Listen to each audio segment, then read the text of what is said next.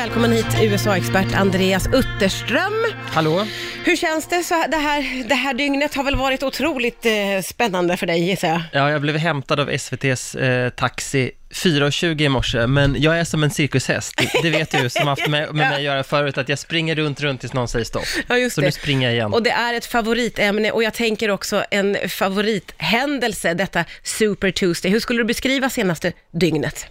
Ja, men, kanske jag bara ska förklara vad det är Ja, då, lite att kort ska vi göra det. Ja. Absolut. Nu ska Demokraterna välja, vem är det som ska möta Trump? Yes. Och då är det då deras eh, partimedlemmar som, som väljer och då går man delstat efter delstat eh, i en viss ordning och det som är så fascinerande med Super Tuesday är att det är 14 stycken delstater som väljer samma dag. Ah. Och det är vad som har hänt nu och det som har hänt är att eh, Joe Biden har gjort en slags comeback. Det gick Ah. väldigt dåligt förut, i natt gick det jättebra, men det här betyder inte att det är avgjort, utan det här kanske kommer dröja eh, ända fram till sommaren innan man vet om det blir Bernie Sanders eller Joe Biden, för det är de två det kommer stå mellan nu. Ja, Elizabeth Warren är, är ju fortfarande med, för jag har inte hört att hon har hoppat Ja, av. Men Och även miljardären Michael Bloomberg, men jag tror inte det finns anledning för någon av dem att eh, vara kvar. Jag skulle gissa att båda eh, hoppar av ganska snart, därför att det finns nästan ingen matematisk möjlighet att de Nej. kan, eller realistisk möjlighet ska jag säga, att någon av dem skulle kunna vinna. Ja, just det. Och hur har det gått för Bernie Sanders? Hur, hur ser det ut mellan Bernie och eh, Joe?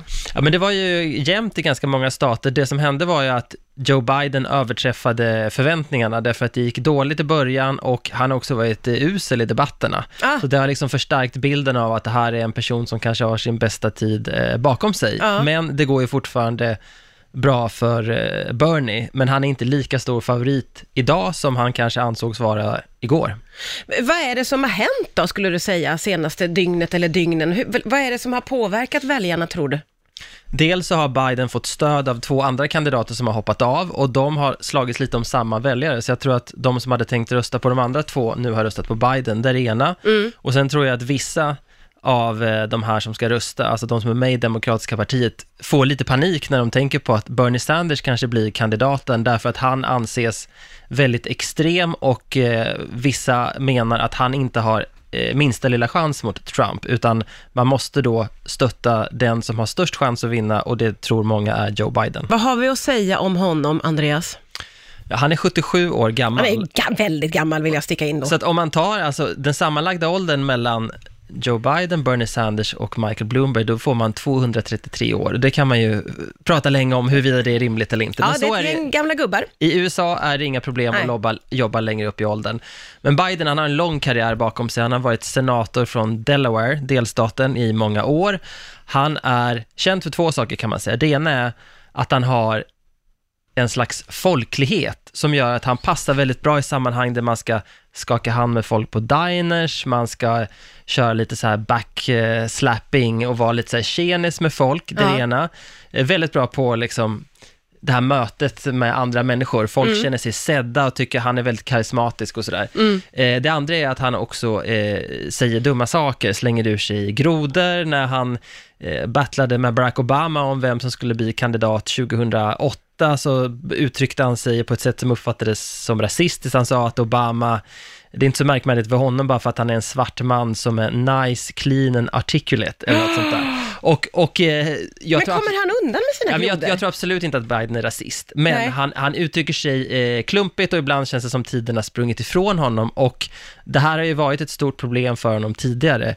Men nu är frågan om Donald Trump har ändrat politiken så pass mycket så att den här typen av, av eh, grodor eller övertramp eller vad man ska kalla det för inte längre spelar någon roll. Nej, okej. det, det återstår att se, men Ja. det är liksom det som karaktäriserar Biden och sen då naturligtvis var han ju vicepresident i åtta år Ja. och utvecklade vad som verkar vara en liksom verklig djup vänskap med Obama och var en, eh, en rådgivare i alla viktiga frågor och även den som skötte kontakterna med, med kongressen, alltså USAs riksdag. Så han var, han var super eh, i Obamas Vita hus. Det man också minns väldigt mycket från den tiden var ju deras bromance, som man var väldigt fascinerad av. Ja, jag säger man, men jag menar jag. Ja, de hade ju någon slags far och son-grej ihop och många tror jag tyckte att de var ett omaka par från början, men sen kändes det väldigt naturligt och se, och se dem där eh, tillsammans. Ja. Det, var, det var, fanns någonting fint Ja.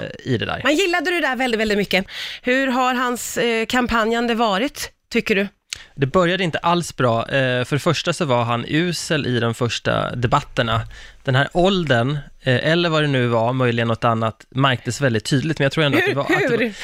Han kommer av sig, han eh, glömmer bort vad han ska säga, han eh, framstår inte som att han eh, är skärpt. Det är som att han kör på treans växel och Aj. man väntar på att han ska lägga i en högre. Och om- om jag jämför med hur jag minns honom när han var eh, vicepresidentkandidat och sen vicepresident, när han debatterade mot Sarah Palin först, Mm. den har man nästan glömt, och sen Paul Ryan.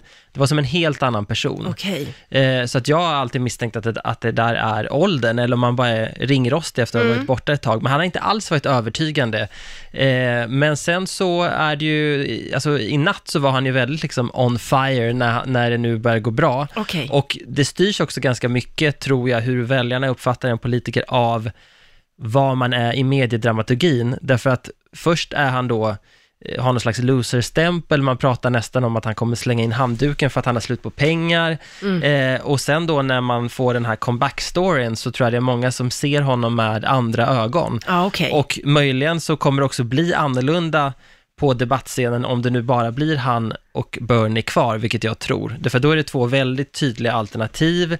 Det är inte så många som, som tjafsar om ordet och det kanske passar Biden bättre. Men Mm. om jag hade varit Biden-supporter hade jag varit väldigt orolig i början och undrat vad är det här eh, Alltså var är den Joe Biden som jag känner sedan gammalt?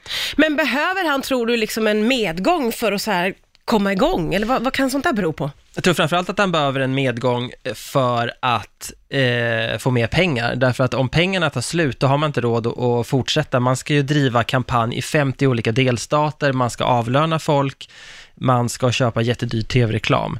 Så det är det ena. Och sen tror jag att det är mycket psykologiskt också, att om du hela tiden får svara på frågor om varför det går dåligt och kommentera opinionsundersökningar, då kan nog det till slut bli en självuppfyllande profetia och en slags negativ spiral.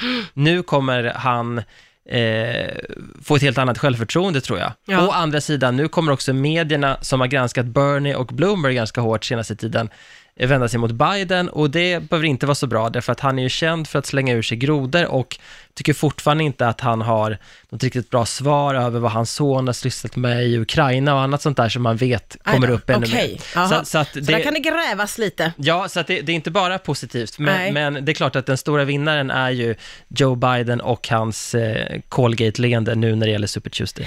Och vad är nästa steg nu då? Hur går, vi, hur går de vidare? Vad händer eh, som nästa? Ja, nästa vecka så är det ehm, eh, en annan Tuesday när det är massa, massa eh, delstater som går till val och sen är det liksom lite utspritt och eh, om det här drar ut på tiden så kan det dröja ända fram till sommaren innan man vet eh, Ja, okej. vem, det, vem det är. Så, Ja. så att det här kan bli ett riktigt eh, maratonlopp. Det kan det bli och vi ska hålla ett öga på det, gärna med hjälp av dig. Tack för att du kom hit idag, Andreas Utterström.